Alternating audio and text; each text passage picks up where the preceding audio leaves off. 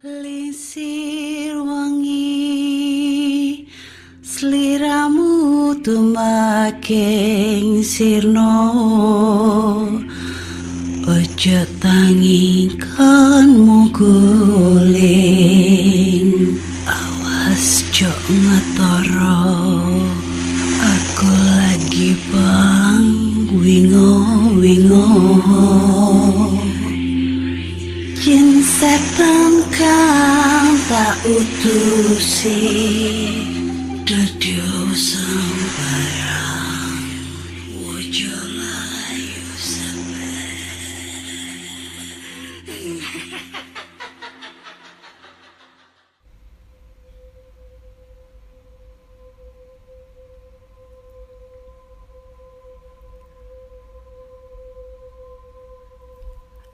Assalamualaikum warahmatullahi wabarakatuh. Selamat datang di podcast kisah horor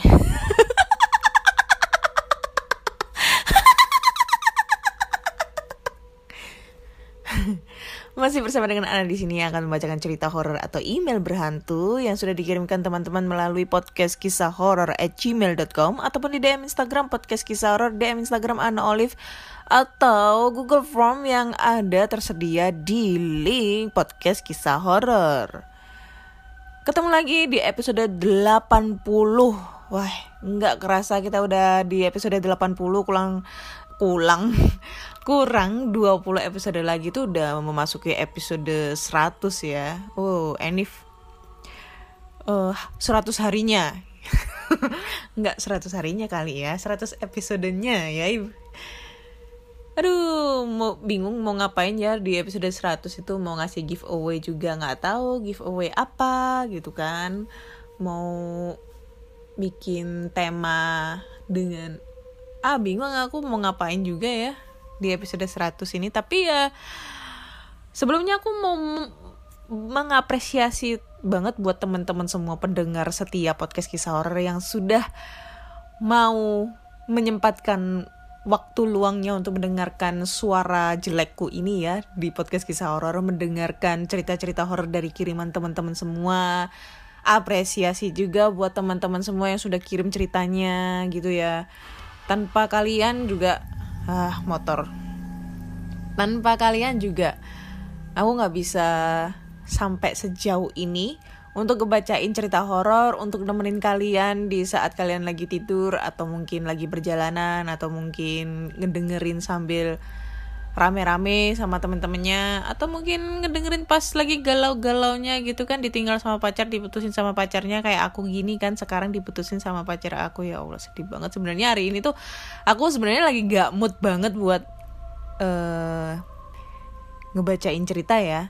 Tapi ya mau gimana lagi karena udah tuntutan juga uh, udah banyak banget yang kirim cerita dan udah banyak uh, udah waktunya juga untuk kir uh, update cerita kalau nggak update nanti aku nggak dibayar seperti itu jadi ya mau gimana mau nggak mau harus memberikan suatu penyajian yang terbaik untuk kalian semua gitu ya. Jadi harap maklum kalau mungkin di episode 80 ini agak kurang greget ya karena aduh beberapa hari ini aku dilanda kesedihan gitu. Ya, untuk someone aku yang lagi di sana mungkin ya mungkin pasti dia ngedengerin podcast aku. Walaupun sebenarnya dia bilangnya enggak enggak enggak tapi pasti ngedengerin secuil podcast aku. Aku mau minta maaf yang sebesar besarnya kalau aku punya salah. Dan aku di sini masih nungguin nungguin kamu Semoga aku bisa memperbaiki semuanya walaupun kamu udah bosen dengan kata-kata aku untuk berubah, berubah, berubah. Tapi aku berusaha untuk jauh lebih baik lagi untuk bisa memperbaiki hubungan kita dan bisa memberikan yang terbaik buat kamu. Aku minta maaf yang sebesar besar besarnya. Tuh kan, ini podcast horor jadi ajang curhat curcol masalah hati.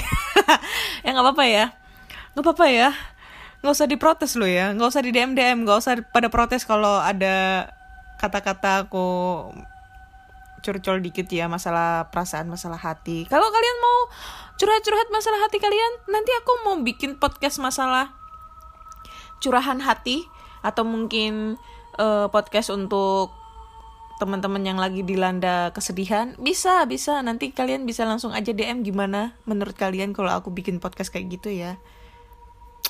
Kirim aja ceritanya di DM seperti biasa. Nanti kalau emang iya nih ya kalau iya aku pasti bikin kok. Ini kalau bikin tentang kesedihan atau curahan curahan hati seseorang itu bebas. Mau ke curahan curahan masalah keluarga curahan hati masalah pacar, sahabat, teman atau siapa pun itu bebas. Temanya tentang apa aja, yang penting tentang kesedihan hati kita yang lagi ya membuat kita tuh lagi sedih gitu loh, bikin kita lagi galau gitu. Sama-sama lagi curhatnya. Siapa tahu uh, kita bisa saling support satu sama lain, bisa saling apa ya? Bisa saling uh, memberikan kritik dan saran satu sama lain dan membuat kita membangun satu sama lain supaya kita jauh lebih semangat lagi, jauh lebih introspeksi diri lagi, jauh lebih memperbaiki apa kesalahan kita kayak gitu ya. Aduh, ini nggak pantas ini. Ini apaan ini? Ini ini bukan sesi untuk ajang curhat-curhatan ini sesi horor, Ana. Horor. Ini horornya di mana kalau kamu curhat-curhatan masalah percintaan kayak gini, ya kan? Ya horornya karena diputusin sama pacar itu horor banget itu lebih ketemu sama kuntilanak 10 itu horornya beneran dah Oke lah, langsung aja kita bacakan ceritanya ya. Karena ini udah banyak banget uh, orang yang udah kirim email. Aku tuh sampai sungkan banget kalau nggak ngebacain. Jadi kita langsung aja bacakan cerita pertama. Halo, Kak Ana. Perkenalkan nama aku Umarul, Kak. Aku asal Lumajang. Ini ceritaku waktu dulu masih SMA sih, udah lama. Baru berani nge-share. Aku sekolah di tengah kota Lumajang. Aku mau kasih tahu dulu kalau rumahku di pelosok desa, ya nggak terlalu desa banget sih. 20 menitan dari jalan raya. Kalau dari sekolah sekitar 35 menitan lah. Kejadian ini terjadi di masa kelas 3 SMA menjelang kelulusan kurang lebihnya. Dari kelas 2 SMA, aku sudah berani dulu sehabis kelas tidak pulang langsung. Jadi kebiasaan nongkrong di rumah temen. Nongkrong di rumah temen itu biasanya gegara wifi sih, wifi. Bukan wifi ya, bukan wifi. di desaku eh, soalnya di desaku itu susah sinyal banget. Jam 4 pulang sekolahku. Eh gimana sih ini kata-katanya dibulak-balik? Jam 4 sekolah jam 4 pulang sekolahanku gitu ya. Tapi aku mulai berani pulang agak malam jam 6 habis maghrib. Itu pun udah ditelepon sama ibu setiap minggunya aku mulai menaikkan jam pulangku sampai biasanya ibuku nyuruh aku nginap kalau sampai lebih dari jam 10 biasanya. Bukan apa karena desa karena jalan desaku emang sepi. Jadi yang ditakuti ibu itu begal. Dari jalan raya ke rumahku aja rumah masih bisa dihitung. Jadi kebun orang yang sering aku lewatin mal jadi kebun orang yang sering aku lewatin. Malah kalau pas jalan pulang. Fasilitas penerangan lampu jalan emang gak ada yang di desa. Jadi gelap banget. Aduh gimana sih ini kata-katanya? Bingung deh. Pulang malam adalah kebiasaan aku sampai pada akhirnya kelas 3 SMA sudah biasa aku pulang malam melewati jalan gelap, sungai, kebun, kuburan, dan lain-lain pikiran untuk takut sama hantu pun udah gak ada. Karena di otakku, halah gak mungkin nakutin. Aku udah biasa lewat sini. Begitu umpatan dari pikiran kalau lewat jalan-jalan yang katanya orang angker. Jalan yang biasanya aku lewatin adalah jalan pintas, karena ini jalur terdekat dari jalan raya, dan udah biasa aku lewatin, meskipun jalannya agak tidak rata. Jadi kalau di jalan harus pelan-pelan. Tiap aku pulang, teman-temanku mesti nakutin. Tapi aku biasa aja, karena pikiranku udah biasa dilewati jadi hantunya ngerti gitu, hehehe. Pada suatu hari itu aku melakukan kegiatan seperti biasa, youtubean di rumah temanku sampai lupa kalau waktu udah nunjukin jam 11 malam. Akhirnya aku bergegas untuk cepat pulang, karena yang aku takuti begal. Jalan pulang lewatin kuburan biasa aja, belum terjadi apa-apa. Yang katanya di kuburan itu Tetanggaku waktu belanja pagi motornya kayak ada yang narik dari belakang.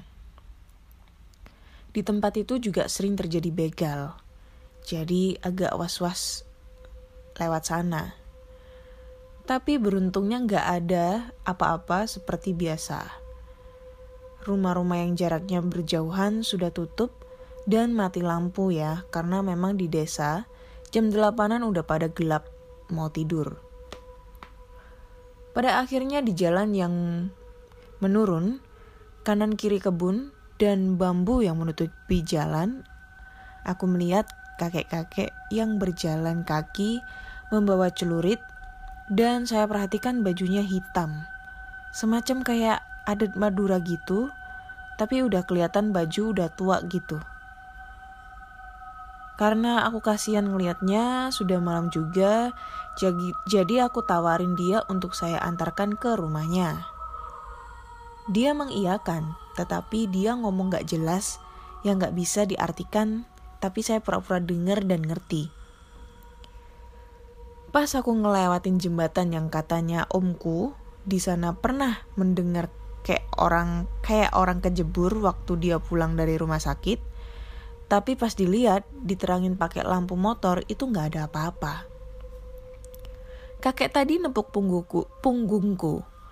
Dia ngomong nggak jelas dan aku nggak ngerti. Ya udah aku berhentiin dan dia tiba-tiba turun dan tidak ngomong apa-apa. Dia turun ke arah sungai. Aku nggak memperhatikan lagi. Aku pulang bergegas. Di jalan pikiranku sudah mulai kacau. Sampai di, tiba di rumah ditunggu ibuku. Tidak biasanya ibuku menunggu, biasanya sudah tidur. Dia tiba-tiba nanya, Gak apa-apa kan? Sontak aku kaget, tapi aku menjawab, menjawab biasa aja, gak apa-apa gitu. Aduh, gimana sih? Keesokan harinya aku beraniin cerita ke ibuku karena kayak ada yang ganjal gitu tentang kejadian semalam. Ibuku cerita kalau dia mimpi buruk, jadi kebangun malam itu. Dan ketika aku sebutin ciri-ciri kakek yang aku bonceng semalam, ibuku kaget. Kakek yang aku bonceng semalam itu sebenarnya udah meninggal dua hari yang lalu gitu. Jadi aku emang gak tahu apa yang terjadi di desaku, karena aku emang jarang di rumah kaget banget, shock, dan lain-lain. Setelah kejadian itu, kalau sampai malam aku biasanya nginep di rumah temen dan gak berani balik lebih dari jam 9 malam. Oke, okay. Ini apa ya? Sorry banget, sorry banget. Jadi agak bingung aku ngebacanya karena peletakannya tanda bacanya ini agak kurang rapi. Sehingga kan aku agak bingung untuk ngejeda-jedanya itu dari kalimat ini dijeda sampai mana sampai mana itu aku agak bingung. Jadi agak segera kurang greget ya ceritanya. Tapi yang bisa aku ringkas ini ya ceritanya ya bisa aku tangkap jadi ini si siapa namanya tadi? Umarul. Umarul itu sejak ini kejadiannya sejak SMA jadi sejak kelas 2 SMA itu dia sering pulang malam gitu kan jadi pulang sekolah dia nggak langsung pulang tapi uh, nongkrong dulu di rumah temennya, mampir di rumahnya temennya untuk wifi-an buat ya buat nge YouTube, main game dan lain-lain gitu loh. Jadi dia udah terbiasa pulang malam. Eh, biasanya kalau pulang malam ke pulangnya kemalaman disuruh ibunya buat tidur di rumah temennya enak banget ya mamanya ya nggak nggak marah gitu loh. Terus meranjak di kelas kelas 3 dia tuh udah biasa gitu loh. Kalau pulang malam lewat kuburan kebun apa segala macam nah pas dia pulang malam sekitar jam 11an ternyata dia itu ketemu sama kakek-kakek yang memakai baju serba hitam dan membawa celurit gitu loh. Ngeri kan buat celurit gitu. Kalau di Madura tuh rok carok itu nanti ya. Dan dia tuh kayak kasihan gitu ngeliat kakeknya jalan sendirinya sendirian. Akhirnya dia inisiatif buat ngeboncengin ngebarengin gitu loh. Tapi berhubung dia itu nggak jelas nggak tahu kakeknya ngomong apa jadi dia kayak pura-pura oh iya ngerti oh iya kek iya kek nggih nggih gitu kan. Nyampe jembatan kakek itu minta berhenti nggak ngomong apa-apa langsung turun gitu kan ke jembatan. Pulang nyampe rumah mamanya itu bang mamanya itu udah nungguin khawatir gitu loh sambil bilang nggak apa-apa kan? Terus si Umar ini jawab hm, nggak apa-apa kok gitu. Baru besok paginya itu cerita dan mamanya itu bilang kalau dia itu kemarin itu kebangun gara-gara mimpi buruk gitu loh ngimpiin si Umarul ini. Dan ternyata pas diceritain kejadian semalam sama si Umarul ternyata kakek yang ditemuin itu adalah kakek yang udah meninggal dua hari yang lalu kayak gitu kan. Tapi kalau emang aku aku tuh pernah ya ke Lumajang. Waktu itu kebetulan ada ke acara nikahannya temenku ya. Jadi kita tuh ke sana rame-rame gitu sama teman-teman kampus gitu ya. Emang sih lokasinya itu sepi banget dan apa ya gelap gitu loh. Karena ini tapi ini Lumajangnya ini yang arah ke Jember arah yang ke Banyuwangi. Jadi kalau kalian yang pernah ke Lumajang atau mungkin yang pernah ke arah Banyuwangi pasti pernah ngelewatin jalan yang jalannya itu satu dua jalur tapi sempit banget tapi sering dilewatin truk-truk gede. Dan itu biasanya jalur sering terjadi kecelakaan. Itu gelap banget. Penerangan pinggir jalan penerangan jalan itu ya lampu jalan raya itu minim banget gitu loh. Jadi rawan banget buat kecelakaan. Kalau kalian pernah tahu lokasi ini pasti ngerti lah lokasinya kayak gimana ya. Karena pas waktu dulu itu kita jalan ke sana kebetulan kan naik mobil temanku tuh tahun berapa ya? 2015 gak salah waktu baru wisuda itu kan. Uh, pas perjalanan balik itu kan malam kebetulan sekitar jam 8 tuh kebetulan tuh ada kecelakaan cuy di area tersebut. Jadi jam 8 itu emang udah gelap banget. Padahal itu juga jalan raya dan di satu sisi lain itu adalah jalan utama gitu loh jalur utama untuk menuju ke arah Jember, Banyuwangi, situ Bondo kayak gitu ya. Bondowoso. Jadi ya jalur-jalur kayak gini tuh yang jalur-jalur rawan apalagi yang di peda pedesaan ya karena di Surabaya ini nggak ada desa cuy. Sombong. Ya enggak sih emang kalau di Surabaya ini kan udah kota ya udah udah penerangan di mana-mana gitu kan ramai padat penduduk padat penduduk aja tuh sering banyak begal apalagi yang jarang apa sepi ya. Dalam arti uh, lokasi yang emang udah sepi di jam sekian itu udah sepi banget. Apa nggak rawan begal juga gitu loh. Nakutin banget.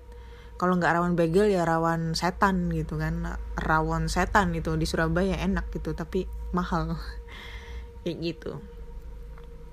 Jadi buat kalian semua ini ya kalau misalnya rumahnya di daerah pelosok atau mau ke mana aja lah. Kalau malam-malam janganlah kalian itu pergi ke pergi ke mana-mana kalau misalnya pulang kerja malam ya mampir dulu aja lah di rumah temennya. Nggak usah nggak usah pulang nggak usah terlalu nekat apalagi cewek ya. Karena di Surabaya kemarin berakhir-akhir ini tuh banyak banget uh, kejadian apa begal gitu ya. Apalagi korbannya cewek yang kemarin itu di dekat rumah itu di daerah Pasar Turi bukan Pasar Turi Pasar Loa. Itu kan arahnya kan areanya kan area sepi ya rawan begal itu kemarin ada eh, cewek dibegal di sana itu tar ditarik tasnya itu sampai dia jatuh sampai aduh mukanya hancur kayak gitu ya. Jadi so buat kalian semua berhati-hati aja lah. Kalaupun kalian eh, mau pulang usahakan rame-rame aja. Jangan sendirian gitu loh. Terus safety juga ya kalau misalnya pakai tas tasnya itu ditaruh di dalam jaket aja jangan di luar jaket takutnya nanti ditarik gitu kan. Habis itu safety juga pakai helm yang standar jangan yang helm-helm carglass yang kacanya kayak cembung-cembung kayak gitu. Itu bahaya juga itu. Lalu apa lagi? Ya itulah pokoknya. Ya lanjut dah. Next kita ke cerita kedua ya. Terlalu banyak bernasehat aku malam ini. Next kita cerita lanjut ke cerita kedua. Halo podcast kisah horor. Namaku Tara. Aku tinggal di Jakarta Timur. Ini cerita pertamaku. Saat itu aku masih kelas 1 SMP. Saat itu aku bersama tiga orang temanku, Agus, Yusuf, dan Adit. Niatnya nanti malam mau begadang di luar rumah kita nih. Sebelumnya kami bermain PS dulu di rental PS dekat rumahku. Biasa main bola, main cup gitu, main cup kita, World Cup maksudnya ya. Cup cup apaan sih? Winning ya? Winning Eleven gitu? Gak ngerti anjir. Main dari setelah Isya gak terasa sampai jam 11 malam lewat. Saat itu Yusuf bilang kalau dia ngantuk. Men, ngantuk nih aku. Ke masjid aja yuk, tidur-tiduran. Lalu aku bilang, bilang aja lu, kalah. Kalah mulu alasan amat ngantuk. Haha, biasa ngeledek Yusuf. Nggak menang-menang mainnya dia. Dan akhirnya kami selesai main jam satu lewat kalau nggak salah. Aku sedikit lupa. Ayo ke masjid tidur-tiduran, kata Agus. Tadi katanya lo kan ngantuk, cup. Kami berempat akhirnya jalan tuh ke masjid. Waktu itu jalan ke arah masjid itu melewati kuburan keluarga gitu. Jadi nggak terlalu banyak makamnya. Nah, saat di jalan ini nih, jalannya sepi banget. Waktu sebelum ke arah kuburan dari jauh kelihatan ada orang gitu. Makanya kami berempat santai aja. Sudah berani berani sudah berani beranikan lewat situ. Saat kami perhatikan orang itu kayak lagi ngegendong kain putih. Kami sih cuek aja. Orang nggak orang nggak pikiran yang macem-macem.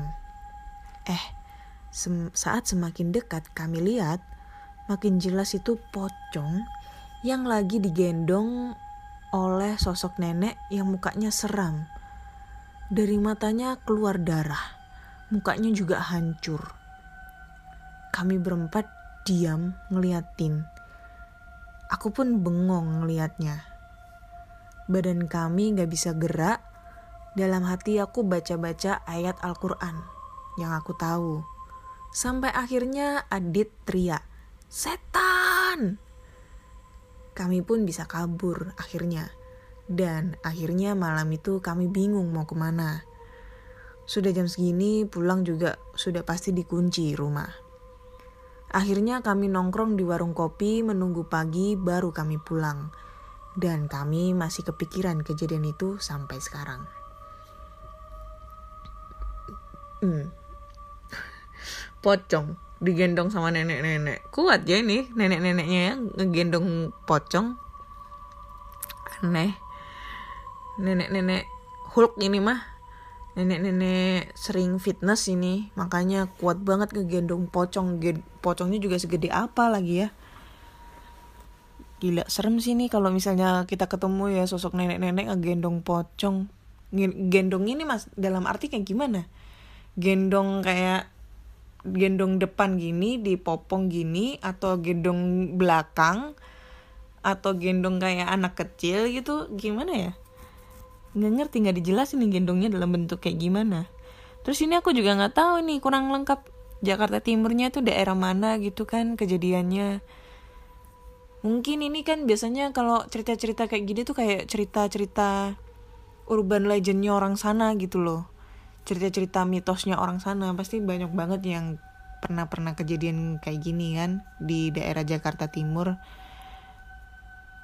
Karena kalau udah cerita kayak gini sosok digendong ne eh sosok ngegendong eh sosok nenek sosok nenek ngegendong pocong itu pasti cerita yang udah nggak umum gitu loh. Hmm. Keren ini mah nenek ngegendong pocong. Kirain pocong ngegendong nenek. Tapi kalau pocong ngegendong nenek itu gimana? Kan tangannya diikat. Masa neneknya gelantongan gitu di pocong?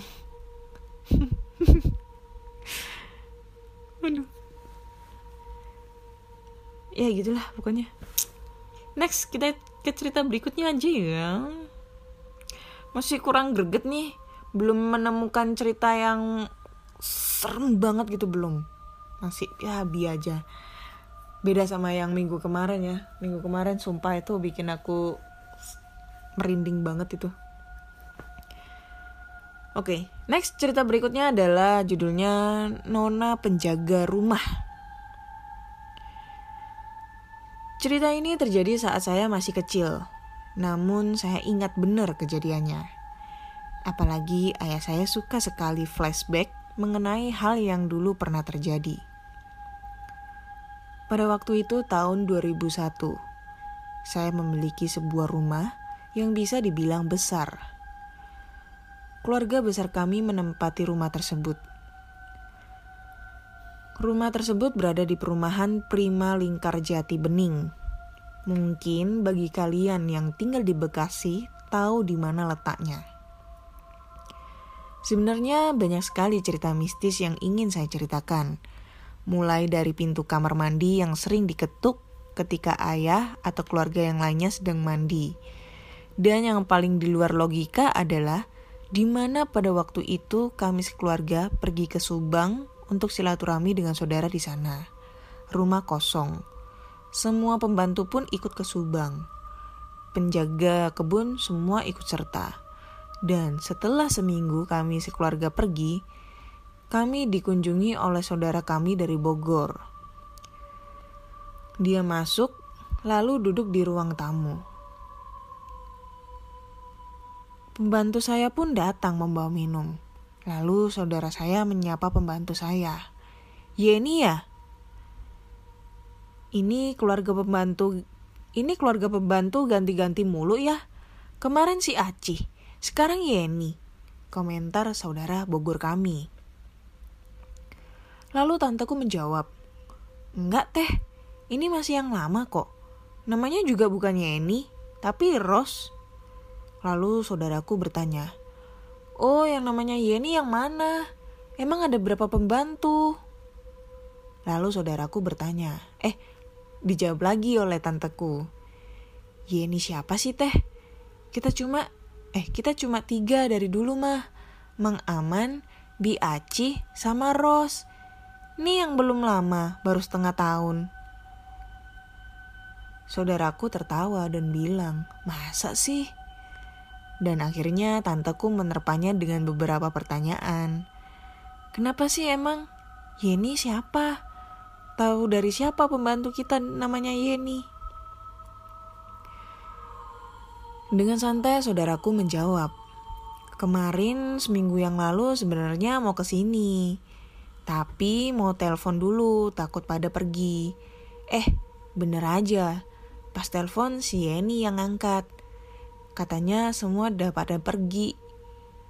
Ini saya Yeni, Bu, yang nungguin rumah ini. Oke, dari situ tante aku mendorong-dorong tubuh saudara aku. Demi apa teh? Jawabnya kaget. Saudara aku sama kagetnya. Memang kenapa sih? Ada nggak sih orang yang namanya Yeni? Tantaku menggeleng. Kita seminggu yang lalu pergi dan gak ada orang teh sama sekali gak ada. Semua ikut. Teteh jangan bercanda atuh. Lalu saudaraku pun bingung dan cuma bilang, Demi Allah Tan. Saat itu tanteku langsung heboh dan ketakutan sendiri. Dia tentu saja bilang ke ayahku, kakak yang paling tua. Gak percaya. Kalau emang ada coba sini tampakin, jawab ayahku dengan angkuh. Dan pada saat itu ayahku berusaha memberanikan diri untuk menunjukkan bahwa Yeni itu tidak tidaklah ada. Semalaman ayahku sengaja tidur di lantai dua. Info saja, lantai dua di rumah kami tidak terpakai. Lantai itu hanya untuk cuci cuci gosok dan ada satu kamar pembantu. Namun semua pembantu tidur di kamar lantai satu pada waktu itu. Selama masih sadar, ayahku tidak melihat penampakan apa-apa. Ketika tidur, barulah sosok Yeni itu datang ke dalam mimpi ayahku. Dengan baju gaun yang sangat panjang, dia menatap tajam ayahku dalam mimpinya. Dan ketika itu ayahku terbangun pukul 2 pagi dan mengucap istighfar karena Yeni benar-benar ada. Hmm. Coba kamu tanya sama bapakmu itu benar-benar Yeni apa enggak? Emangnya pas waktu pas waktu ngimpi gitu si sosok tersebut bilang, "Namaku Yeni." Hei, bapak, aku yang namanya Yeni. Kau mau apa coba? Asa mau bilang gitu? Kan nggak tahu itu bapak lu kan. Itu namanya Yeni apa bukan? Siapa tahu sih si Mamang kek apa si Maimunah kek apa si Munaroh kan nggak tahu bapaknya aneh kan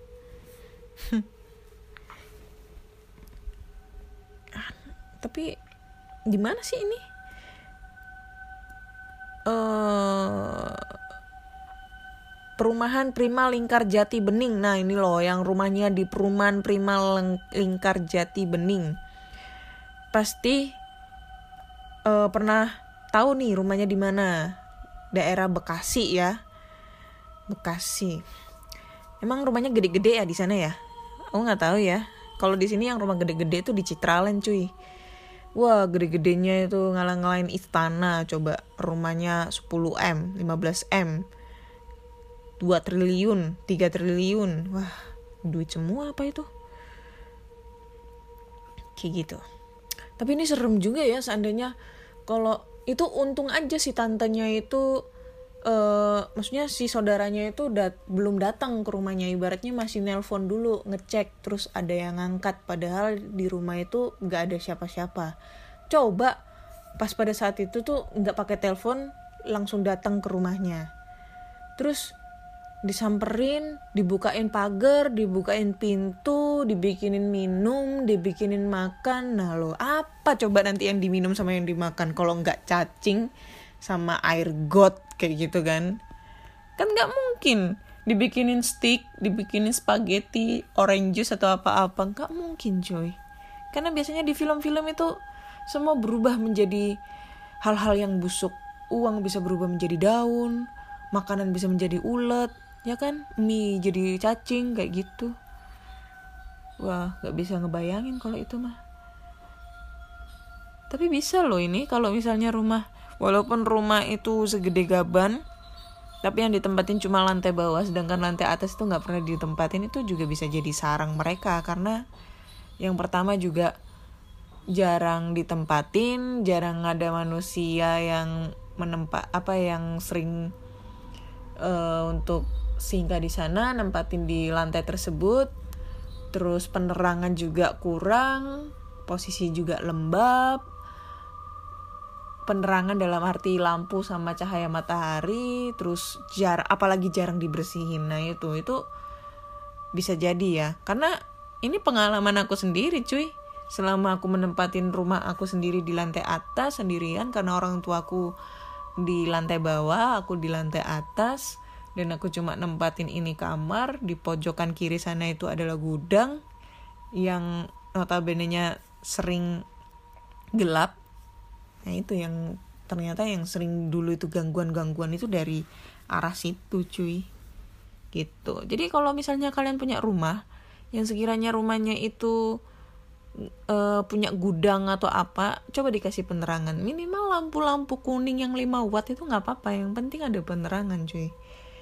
Kalau nggak ada penerangan itu takutnya nanti kalian dihantui tiap hari tiap malam. Kan nggak enak gitu loh apalagi kan banyak banget tuh yang di mana itu postingan di uh, YouTube YouTube itu biasanya di Ewing HD itu yang postingannya rumah youtuber.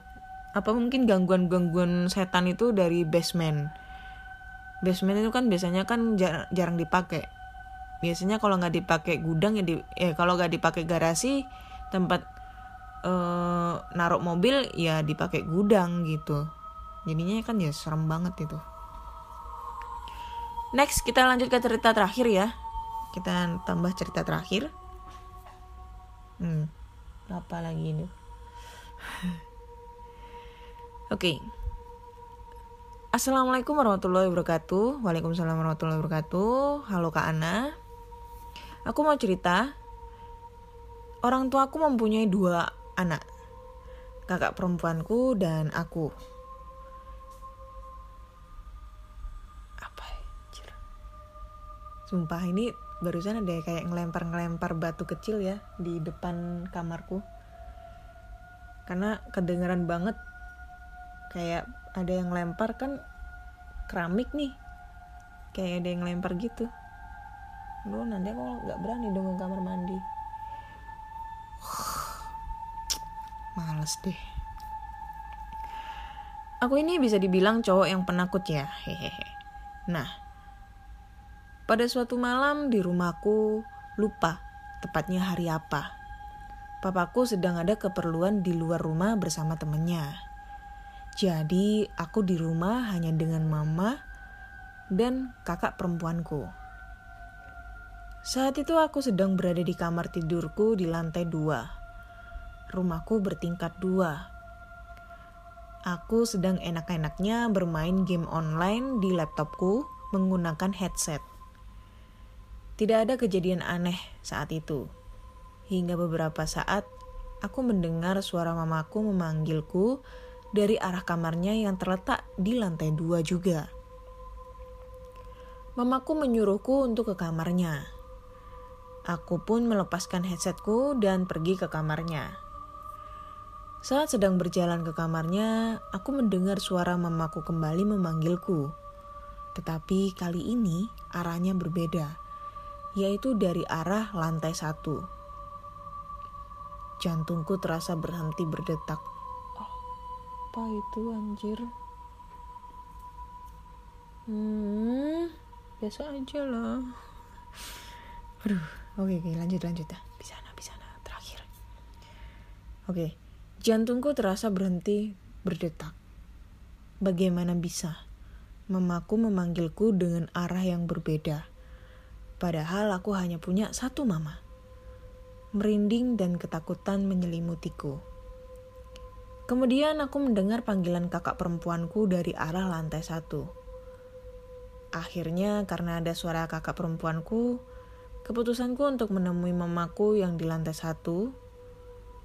Eh, keputusanku untuk menemui mamaku yang di lantai satu. Belum sampai situ kejadian mistis yang aku alami.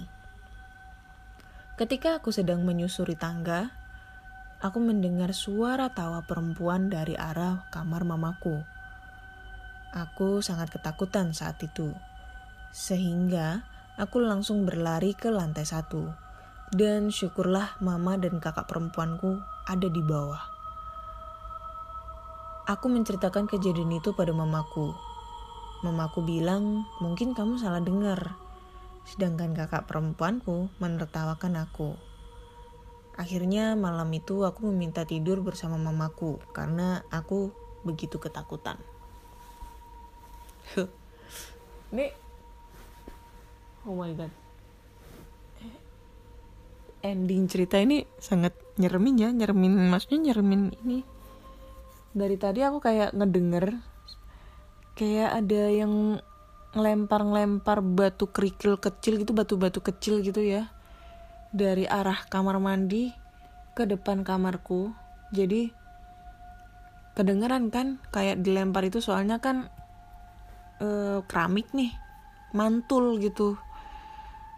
Terus kayak ada yang bunyi-bunyi tek tek gitu di depan cuma aku gak berani ke, de ke depan cuy. Aku mau gimana nanti ke kamar mandi cuy baru kali ini aku ketakutan banget ini.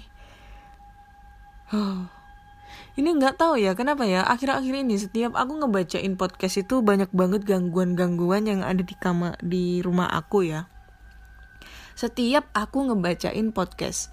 Tapi kalau di hari-hari biasa setelah uh, aku nggak ngebacain podcast itu nggak ngebacain cerita horor nggak ngepodcast gitu ya maksudnya itu biasa aja gitu loh. Nggak nggak ada gangguan. Mau ke kamar mandi it's okay. Mau ngapain it's okay. Nggak nggak takut kayak gini. Tapi beberapa minggu atau bulan ini tuh kayak nggak kayak biasanya. Kalau dulu kan ngepodcast bi aja gitu loh. Nggak ada gangguan dan nggak merinding merinding sekayak gini maksudnya nggak ya merinding pasti tapi nggak ada kayak gangguan gangguan yang kayak gini gitu loh. Aduh gila ini mah semakin lama semakin ekstrim ini. Apa mungkin efek dari opening openingku ya pakai ketawa ketawa gitu yang bikin ngundang mereka. Tapi kan ketawa aku nggak mirip banget nggak mirip gitu loh kayak kuntilanak. Masa iya? Ngundang sih Allah Allah aku dari tadi ngeliatin luar lagi. Soalnya ini pintu kan nggak begitu rapet nih nutupnya agak sedikit terbuka.